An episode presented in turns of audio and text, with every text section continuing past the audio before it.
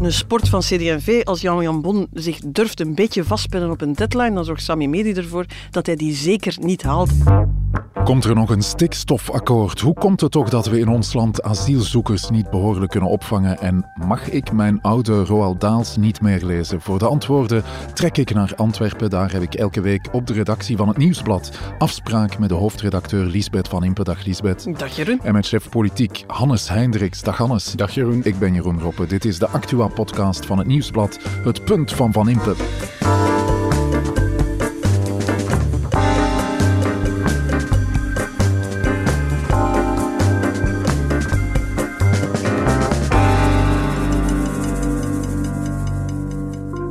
Lisbeth, kunnen we het nu eindelijk eens over het uh, stikstofakkoord hebben? Uh, uh, niet over het akkoord, niet. want dat is er nog altijd maar wel, niet. Maar, wel maar we gaan het moeten hebben over de bedevaart naar Linkeroever. Ja. ja. want als ik naar Antwerpen kom, dan wordt me altijd alles duidelijk. Maar als de partijvoorzitters naar Antwerpen komen, dan iedere, wordt het alleen maar erger, heb ik de indruk. Jij hè? komt iedere week op bedevaart naar Linkeroever, maar uh, deze bedevaart ging naar de Royal Yachting Club. Ja. Uh, hier ja, vlakbij. 500 meter vandaan, een kilometer vandaan, ja. zoiets. Vijf minuutjes stond ik er. Ja, uh, dus uh, ja, daar, uh, daar is een van de meest vreemde vergaderingen van dit politieke jaar gehouden. Daar hebben we het over. En vandaag wil ik je echt wel meer uitleg, Hannes, over het asielbeleid in ons land. Want zelfs mensen die recht hebben op opvang, die zijn er niet zeker van dat ze die ook krijgen. Ja, nee, het is een probleem dat al heel lang aansleept. Dat nu allerlei gekke proporties krijgt. Een kraakpand waar heel veel asielzoekers samen liggen. Andere landen die geen asielzoekers meer naar ons willen sturen omdat we hen onmenselijk behandelen. Ja. Het loopt de spuigaten uit en er is niet direct een oplossing. Daar Ja. hebben we het over uh, zometeen. Roald Dahl, dat is de schrijver van onder meer Charlie and the Chocolate Factory, ook bekend in het Nederlands als Shaki en de Chocoladefabriek. Ladies and gentlemen, boys and girls, the chocolate room. Ik kan me niet herinneren dat dat tot mijn uh, uh, lectuur behoorde Nee? in mijn kindertijd. Nee, die van jou Oh wel? nee, ik heb heel veel Roald Dahl gelezen. De heksen, uh, Shaki, Ja. um, de grote vriendelijke reus. Nee, nee, ik ken de kanon. Ja, Ja. absoluut. Ze gaan er eens grondig door, door het oeuvre van Roald Dahl. Zit de woke-politie daarachter, Elisabeth? Het valt wel onder die brede noemer, en dat is woke en nog vele andere dingen, van wat mogen we nog zeggen vandaag, wat mogen we nog lezen en welke woorden mogen we nog gebruiken.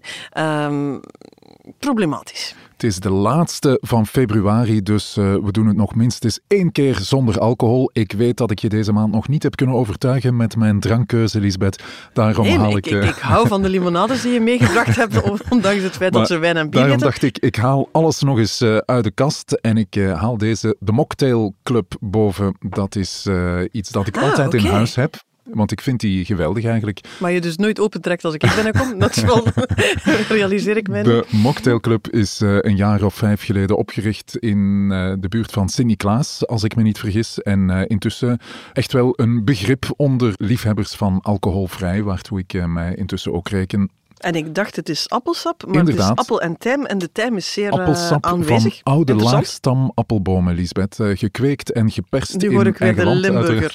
nu hoor ik weer de Limburger in Jeroen Roffe.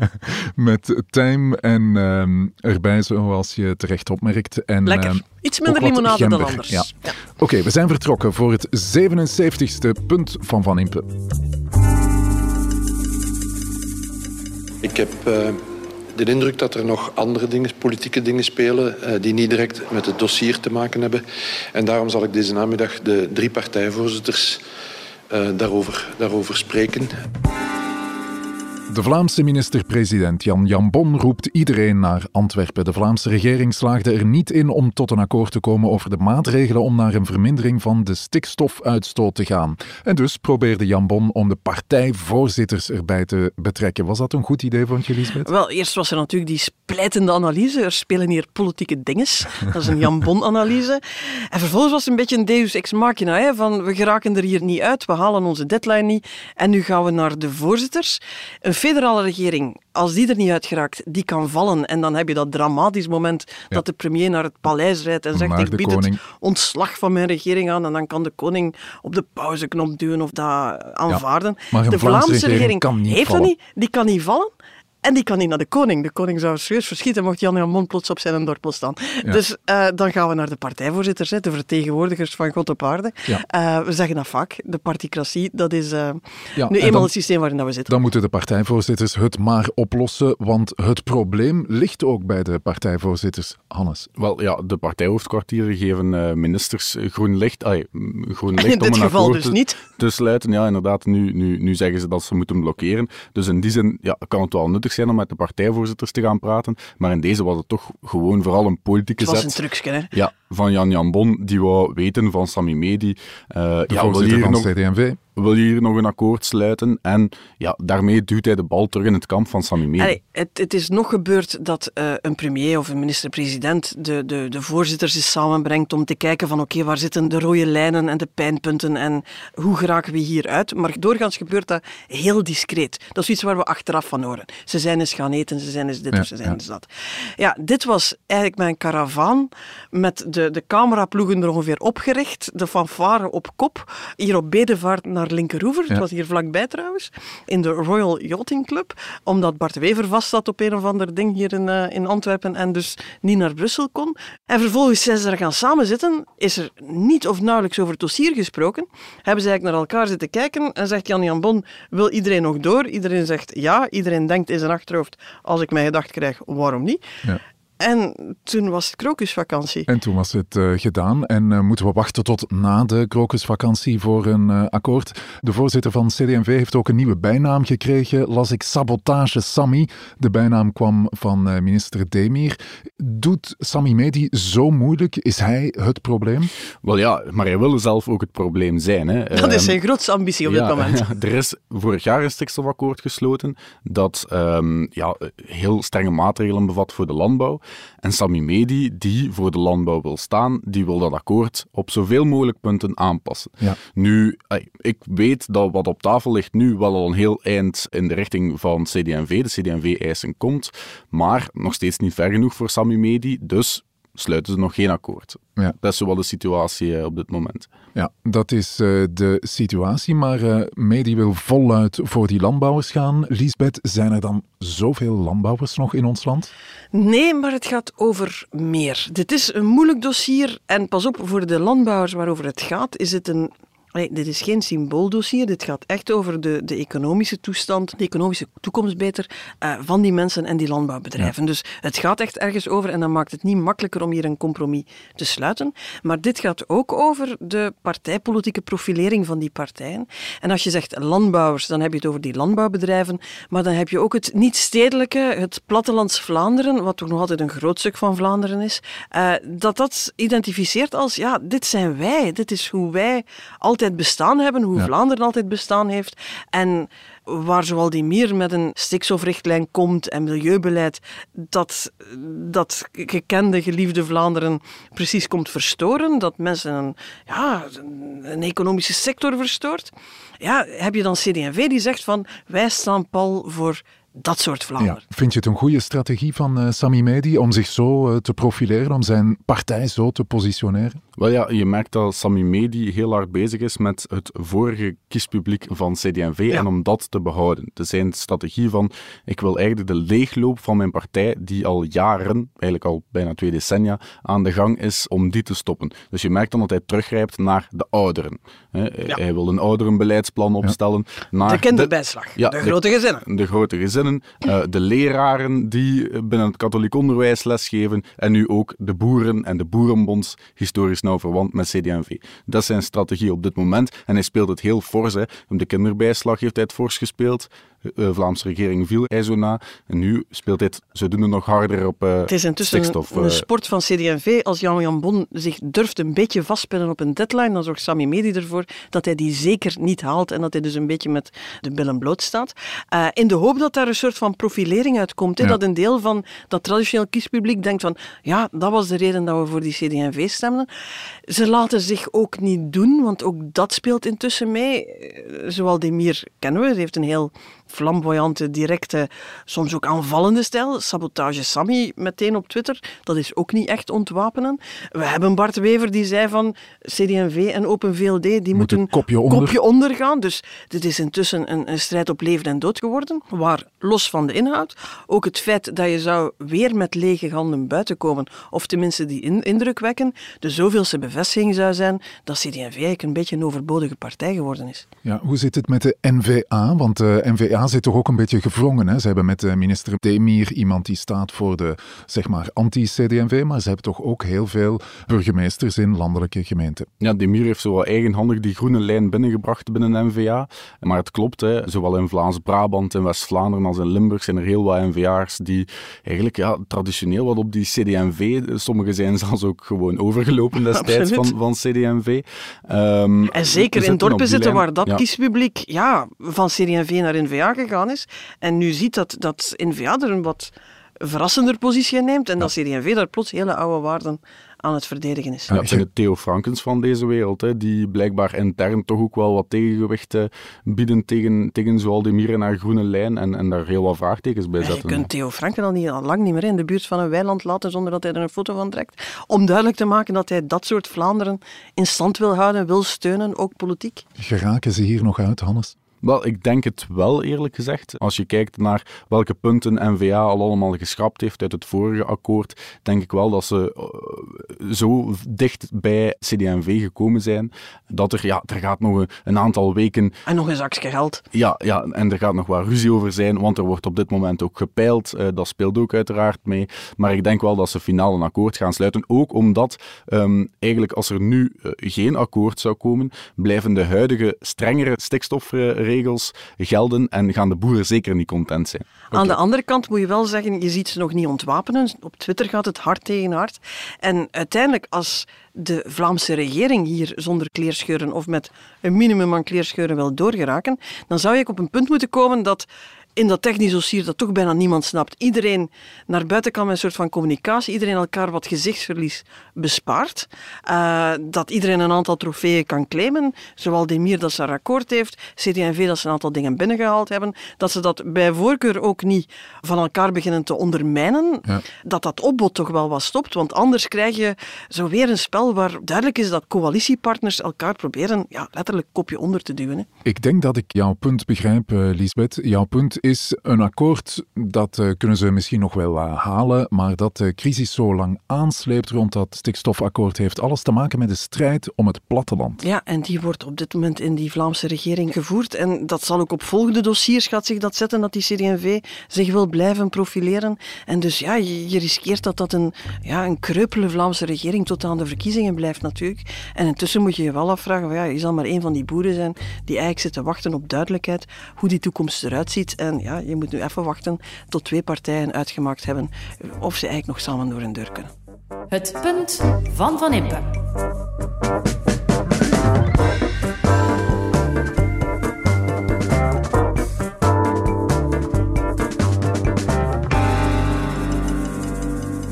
Ik hoorde collega's van Groen zeggen dat zij niet willen dat er mensen op straat slapen. Wel, ik kan hen daarin geruststellen, ik wil dat ook niet. En ik werk elke dag aan oplossingen op een constructieve manier. En mij met de vinger wijzen helpt daar niets in. Wij werken constructief samen. We hebben extra opvangplaatsen nodig. Daar zet ik mij heel hard voor in. In vaak een moeilijke context. En dat weten zij maar al te goed. Maar daarnaast zijn er ook andere maatregelen nodig. Staatssecretaris voor Asiel en Migratie Nicole de Moor reageert op de kritiek van Groen. Dat gebeurde na de ontruiming van een kraakpand aan de Paleizenstraat in Schaarbeek. Daar leefden honderden mensen een hele tijd al in erbarmelijke omstandigheden. De gemeente Schaarbeek en het Brussels gewest brachten die mensen dan maar naar verschillende plaatsen om hen behoorlijk onderdak te geven. Lisbeth, het was een eh, heel pijnlijk verhaal. Een verhaal dat heel veel problemen blootlegde. Hè? Wat uh, precies? Ja, het was, het was vooral het was compleet chaos. Het was, uh, uh, je zou nu denken van, het heeft om te beginnen heel lang geduurd, waardoor die situatie in dat kraakpand eigenlijk al compleet onmenselijk geworden was. En dan beslist men uiteindelijk toch om de ontruiming in te zetten. En dan verzandt dat in een chaos en cacophonie van diensten die niet voorbereid zijn op wat ze daar gaan aantreffen. Ze zijn basically gerold door een truc die je leert op je eerste girofuif, namelijk dat van die papieren armbandjes om mensen iets, een, een recht toe te kennen of te identificeren. Ja, die kon je blijkbaar makkelijk doorgeven. Dat je gewoon eens naar de AVA moet lopen en zo'n rolletje moet gaan halen en dat dat dan, uh, dat dat dan opgelost is. Dus plots stonden daar veel meer mensen dan ze verwacht hadden. Hadden ze geen flauw benul of dat asielzoekers, daklozen, mensen met zonder welke papieren waren. Dan steken ze die op bussen, uh, droppen ze die in Sint-Pietersleeuw zo gezegd, zonder te weten dat dat dan in Vlaanderen ligt. Daar gaat dan ook alle poppen aan het dansen. Het hotel heette weliswaar uh, Brussels South, maar goed. Iedereen weet in Brussel dat we daarmee Charleroi bedoelen en niet Brussel zelf. Dus uh, daar staat dan een burgemeester op zijn achterste poten. De communicatie loopt helemaal fout. Niemand wil dat beeld terug van asielzoekers die we op hotel te slapen leggen. Dus dan zie je plots al die Vlaamse partijen ook wakker worden. Dit is de bedoeling niet. Iedereen op elkaar aan het schieten. het was een zeer wraakroepend schouwspel met mensen die eigenlijk al um, op het einde van hun, hun draagkracht zaten. Hè. Ja, dat was natuurlijk uh, het uh, pijnlijke. Hannes, is dit nu een verhaal van uh, iedereen bevoegd, maar niemand verantwoordelijk? De verschillende instanties en verschillende diensten die naar elkaar wijzen? Ja, dat denk ik wel. Hè. Je hebt het gemeentebestuur van Schaarbeek, het gemeentebestuur van Brussel, de Brusselse regering, de staatssecretaris voor asiel en migratie, ja, de federale diensten. Iedereen wil daar iets te zeggen hebben, wil niet de volledige verantwoordelijkheid nemen en dan krijg je inderdaad zo'n situaties ondoordacht. Maar eigenlijk zien we dat niet enkel in de ontruiming van de Paleizenstraat, maar eigenlijk breder in het hele asiel- en migratiebeleid en vooral het opvangbeleid dat we nu zien, is, is problematisch in ons iedereen, land. Iedereen trekt er zijn handen af en we hebben één staatssecretaris, Nicole de Moor, nog niet zo heel lang staatssecretaris, uh, nog geen jaar denk ik, die eigenlijk, ja, ze roeit met de theelepeltjes die ze heeft. Hè. Bedoel, ja. uh, ze probeert dat op te vangen, maar de instroom is hoog, is ja. ook in vergelijking met veel van onze buurlanden hoog. De ja, uitstroom... Je zegt iedereen trekt zijn handen ervan af. Dat betekent niemand in de politiek wil er nog iets mee te maken hebben en dus staat Nicole de Moor Wel, alleen. Een paar dingen die je ziet. Het is eigenlijk heel stil. Als je ziet hoe de hele situatie is blijven etteren. Want het gaat niet alleen over de Paleizenstraat. Het gaat evengoed over de straten in Molenbeek en Brussel die vol liggen met asielzoekers die geen opvang krijgen. De tentjes, de, de, de geïmproviseerde uh, slaapplaatsen. Intussen is het de normaalste zaak van de wereld geworden om over die asielzoekers die geen opvang te krijgen in termen te spreken als ziektedragers. Niet meer als racistische metafoor, maar gewoon vanuit oprechte bezorgdheid dat daar ziekten circuleren waar wij niet gewend zijn om mee om te gaan. Dus die situatie is daar aan het etteren. Als je dan kijkt, horen wij veel partijen? Je hoort de Groenen af en toe eens roespeteren, maar die voeren de druk ook niet op. In de federale regering staan mensen daar niet met getrokken messen tegenover elkaar om te zeggen Nicole de Moor ja. moet. Af en toe zo is pro forma, maar niemand wil aan zijn burgemeesters gaan vragen zoek nog eens wat lokalen. De PS heeft geen enkele zin om aan Ludovine de Donder, de minister van Defensie, te zeggen smijt alle kazernes die je kan vinden maar open, want we gaan het daar gaan doen. Er moet personeel gezocht worden. Je voelt dat daar... Ja, niemand wil die hete aardappel toegeschoven krijgen. De premier hebben we niet of nauwelijks gehoord bij die situatie. En dan zit je dus met een staatssecretaris die ja, plaats per plaats moet gaan bedelen en gaan zoeken. Ja, mocht elke burgemeester in ons land, Hannes, enkele asielzoekers opvangen, dan was er geen uh, opvangcrisis. Hè? Dat hoor je ook wel eens. Hè? Goh ja, maar de realiteit is dat de situatie nu zo ver gevorderd is. De, er zijn geen makkelijke oplossingen meer op dit moment. Hè. Er is deze week uh, nog een Nederlandse rechter die gezegd heeft dat een asielzoeker in Nederland niet mag terugkeren naar België omdat Vanwege de mensonwaardige behandelingen in ja, België. Ja, ja, inderdaad. Dus die, die mens die naar hier zou komen, die zou wellicht een half jaar geen opvang krijgen, geen dak boven zijn hoofd. Dus ja, de situatie is helemaal ontspoord. Ja, we zitten er ook staat, met de veroordelingen. Hè? Ja, en... ja, er staat een deurwaarder op de stoep van Fedasiel om de meubelen mee te nemen. Die zijn deze week verkocht. Theo Franken heeft de tafel uh, gekocht, blijkbaar. Ja, dus, vonden ze bij Fedasiel niet zo leuk, maar ze gaan ze nu cadeau krijgen, als ik zo begrijp. Hey, wat voor toestanden zijn dat eigenlijk? Dat is onze overheid, hè, waar, waar, waar ze meubels gaan halen, omdat, omdat ze gewoon mensen niet kunnen opvangen. En, er is natuurlijk een reden waarom niemand zich uitspreekt. Hè. We hebben corona gehad, dat is voor veel mensen een lastige periode geweest. We hebben de, de energiecrisis, die voor veel mensen een, een koopkrachtcrisis geworden is, hebben we gehad. Er zijn Oekraïners opgevangen.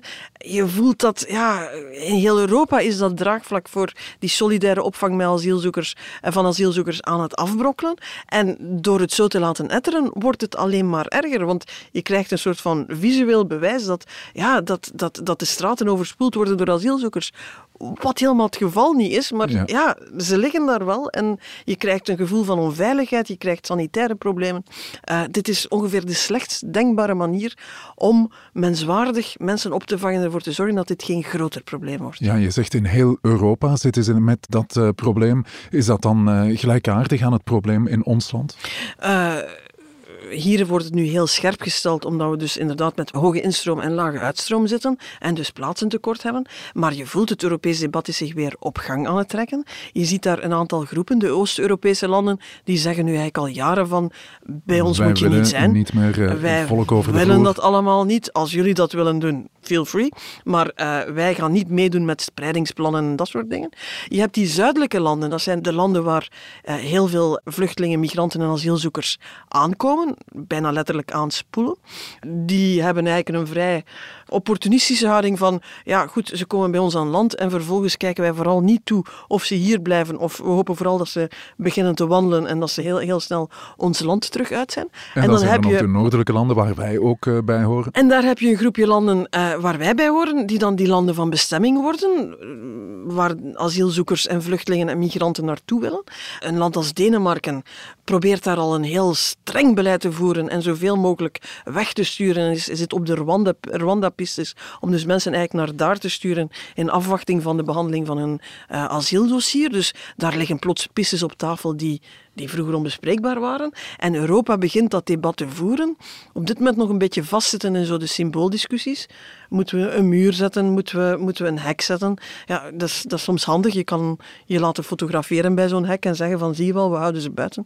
Iedereen weet dat het zo simpel niet is, maar men is precies bang ook om die discussie ten volle te gaan voeren, omdat je net voelt dat het ook in de publieke opinie echt aan het verharden is. En niemand weet of we uiteindelijk uitkomen bij iets wat... wat ja. nog strookt met de Europese normen en waarden. Ja, ik denk dat ik je punt door heb, uh, Lisbeth. In ons land staat uh, Nicole de Moor alleen.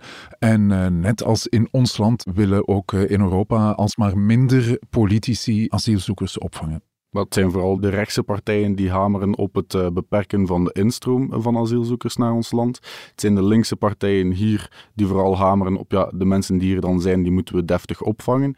We zitten op dit moment met de staatssecretaris Nicole de Moor als een ware christendemocraat tussen die twee kampen. Die probeert enerzijds wel een beetje opvang te voorzien, anderzijds wel een beetje de instroom naar omlaag te krijgen. Maar dat gaat allebei zo traag dat een snelle oplossing niet mogelijk is. En je hebt daar een breder kader bij nodig waar je wil weten wat je met echte asielzoekers wil doen, hoe je met legale migratie wil omgaan, want die hebben we nog altijd voor een groot stuk nodig, hoe we met illegale migratie gaan omgaan en daar moet een nieuw evenwicht gezocht worden.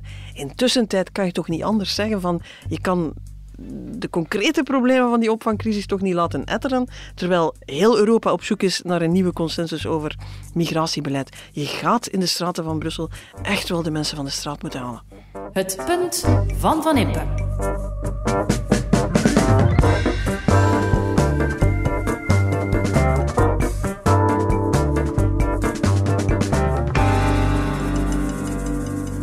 It's not the most important feature if you're describing a person's face, and nor are the eyes. Most writers describe the eyes, and they say he had steely blue eyes or sparkling blue eyes or some rot like that.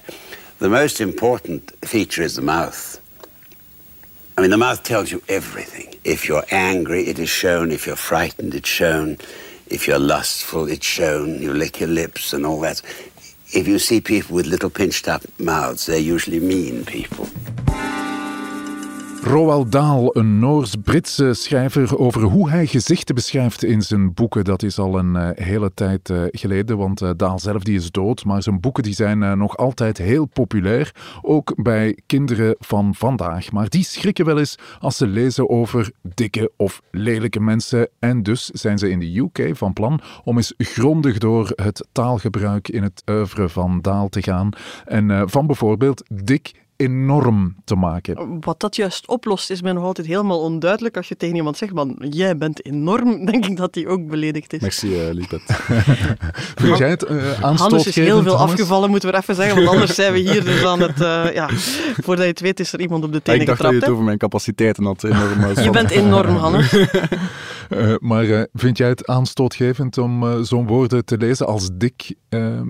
ik reken mezelf ook niet meer bij de kinderen en jeugd, voor alle Net Zo, niet meer, ja. ja nee, maar um, ja, ik ben opgegroeid met die Jommeke-strips. Ik denk als ik die nu zou teruglezen, dat ik ook zou denken van oei, dit is randje racistisch. Ja. Dat kan goed zijn, maar... Daarom moeten we niet door de hele reeks Jommekes gaan. Nee, nee, dat vind ik niet. Ik vind die boeken, um, strips, zijn gemaakt in, in het verleden in een bepaalde context die toen blijkbaar aanvaardbaar was, om die dan helemaal te gaan herwerken nu in naam van de auteur van toen. Dat vind ik een heel raar gegeven. Ik durf ook echt betwijfelen of die boeken van Roald Dahl nu echt ervoor zorgen dat hele kleuterklassen of lagere schoolkinderklassen in huilen uitbarsten omwille van al die traumatiserende dingen die daarin staan. Roald Dahl heeft heel kleurrijke personages, daar is vaak een hoek af. Ze zijn vaak inderdaad heel, heel fysiek beschreven ook. Hij speelt daar met karikaturen en stereotypen, dat klopt. Maar eh, ik herinner me als kind dat ik dat vooral heel leuk vond. En ik kan ook niet zeggen dat mijn beeld van dikke of kale of magere mensen uniek door Roald Dahl bepaald. Ja, Lisbeth, jij hebt uh, misschien nooit uh, aanstoot uh, genomen aan dat soort taal, maar misschien zijn er wel andere mensen die daar wel aanstoot aan Het zou kunnen, en voor alle duidelijkheid, ik vind, ik vind de jeugd- en kinderliteratuur vandaag die vandaag geschreven wordt, doet heel hard haar best om daar veel meer diversiteit in te steken. Te zorgen dat ook eens een, een wat dikker kind een, uh, de held van het verhaal kan zijn. Of uh, een, een, een kleinkind uh, dat wat kleiner is dan de rest, de sterkste van allemaal kan zijn. Veel meer diversiteit, veel meer kinderen kunnen zich daarin herkennen. En dat is een gevoeligheid die goed is. Maar ik vind dat men hier ook zoveel gewicht op dat ene verhaal, dat ene personage, alsof ieder verhaal ieder personage daar rondloopt, die hele diversiteitsagenda in zijn eentje moet weten te dragen, iedere karikatuur uitgesloten is, uh, alles meteen voor halve trauma's en, en verstoorde gevoeligheden uh, zorgt. Terwijl, laten we eerlijk zijn, degenen die dit beslist hebben, hebben dat niet gedaan omdat al die kinderen aan het huilen zijn of, of uh, met een verstoord zelfbeeld zitten. Degenen die de erfenis van Daal beheren, hebben dit opgekuist omdat ze de boel voor heel veel geld aan Netflix verkocht hebben. Netflix gaat daar allemaal mooie films en reeksen van maken. Die gaan ervoor zorgen dat daar niet te veel controverse voor, voor is, dat er, niet te veel relletjes rond kunnen zitten. Achter. Ja, dit is een preventieve opkuis in het kader van een heel lucratieve verkoop. Het heeft ook niks te maken met ergens protest dat van onder zou opgeborreld zijn, of de constatatie dat kinderen niet meer om kunnen met het idee dat er Oompa Loompas in de wereld rondlopen. We zijn te overgevoelig geworden, Hannes? Is het dat? Ja, op bepaalde vlakken wel. Hè. Als je denkt aan de afleveringen van FC de Kampioenen die dan geschrapt worden en dan gaan mensen toch twee keer nadenken van ja, zou het niet beter zijn als we daar wat context bij geven, uh, zodat mensen die toch nog kunnen bekijken. Ik, heb zo de indruk dat die agenda soms wel wat doorslaat en dat we daardoor ja, gewoon te ver gaan in bepaalde discussies. Dus dat is bijna kwalijker. Net door het zo ver te trekken, dreig je een karikatuur te maken van de terechte bezorgdheid en de terechte strijd die daar gevoerd wordt voor meer inclusie en meer diversiteit. En maak nog een laatste bezwaar op. Het is toch vaak ook zo ongelooflijk knullig. Ik bedoel, Roald Dahl die schrijft behoorlijk sprankelende boeken. Daar mag al wat stout. Dat is geen, dat is geen afgelekte Disney. Daar is een beetje een kant af. Als je dan de heksen beschrijft, en dat zijn klompvoeten zonder tenen, en ze doen hun handschoenen uit en daar zitten hele lange nagels op, en ze hebben uh, neusharen, en dan zetten ze een pruik af en daar zit een schurftig hoofd onder dat je daar dan achter moet zetten van ja, maar er zijn ook mensen die kaal zijn en die dus geen heksen zijn en dat is best oké Diepe. Ja, want dat is de, de bedoeling, hè? Om, uh, dat is wat, wat daar nu tussen gevrongen wordt. Dan denk ik van, dit is zo verschrikkelijk flauw. Ik denk zelfs dat een 7, 8-jarige denkt van, wat staat dit hier tussen te huppelen? Dit is niet de essentie van het verhaal dat hier verteld wordt. Dit schaadt eigenlijk zelfs de manier waarop hier uh, verteld wordt. Ja, laatste punt uh, van vandaag. We hoeven niet te raken aan kunst en literatuur eh, uit het verleden, laat het zomaar. Geef context. Als je voortleest, kan je eh, spelen met de karikaturen. Er zijn heel veel manieren waarop we ervoor kunnen zorgen dat een karikatuur niet het enige of het dominante beeld is waarmee kinderen geconfronteerd worden, maar laat een boek van 30 en 40 jaar geleden maar gewoon een boek van 30 en 40 jaar geleden zijn. En zo hebben we drie punten. Dankjewel daarvoor, Hannes en uh, Lisbeth. Ik neem ze mee naar Brussel. De mocktailclub die zal ik hier laten. De rest is uh, voor de redactie. Lukt het nog uh, met de laatste loodjes van de Tournee Mineraal? Jeroen, het lukt. Maar volgende week heb jij terug iets... Um, anders mee. Iets anders, ja, absoluut. Dan gaan we opnieuw voor de Belgische wijnen. Tot het volgende punt van Van Impe. Dit was het Punt van Van Impe, een podcast van het Nieuwsblad. Je hoorde de stemmen van hoofdredacteur Liesbeth Van Impe, van Hannes Heindriks, ook chef politiek, en van mezelf, Jeroen Roppe. Dank aan de VRT voor de audioquotes, aan Pieter Schrevers voor de muziek en aan Pieter Santens van House of Media voor de montage. De productie was in handen van Bert Heijvaart. Tot het volgende Punt van Van Impe.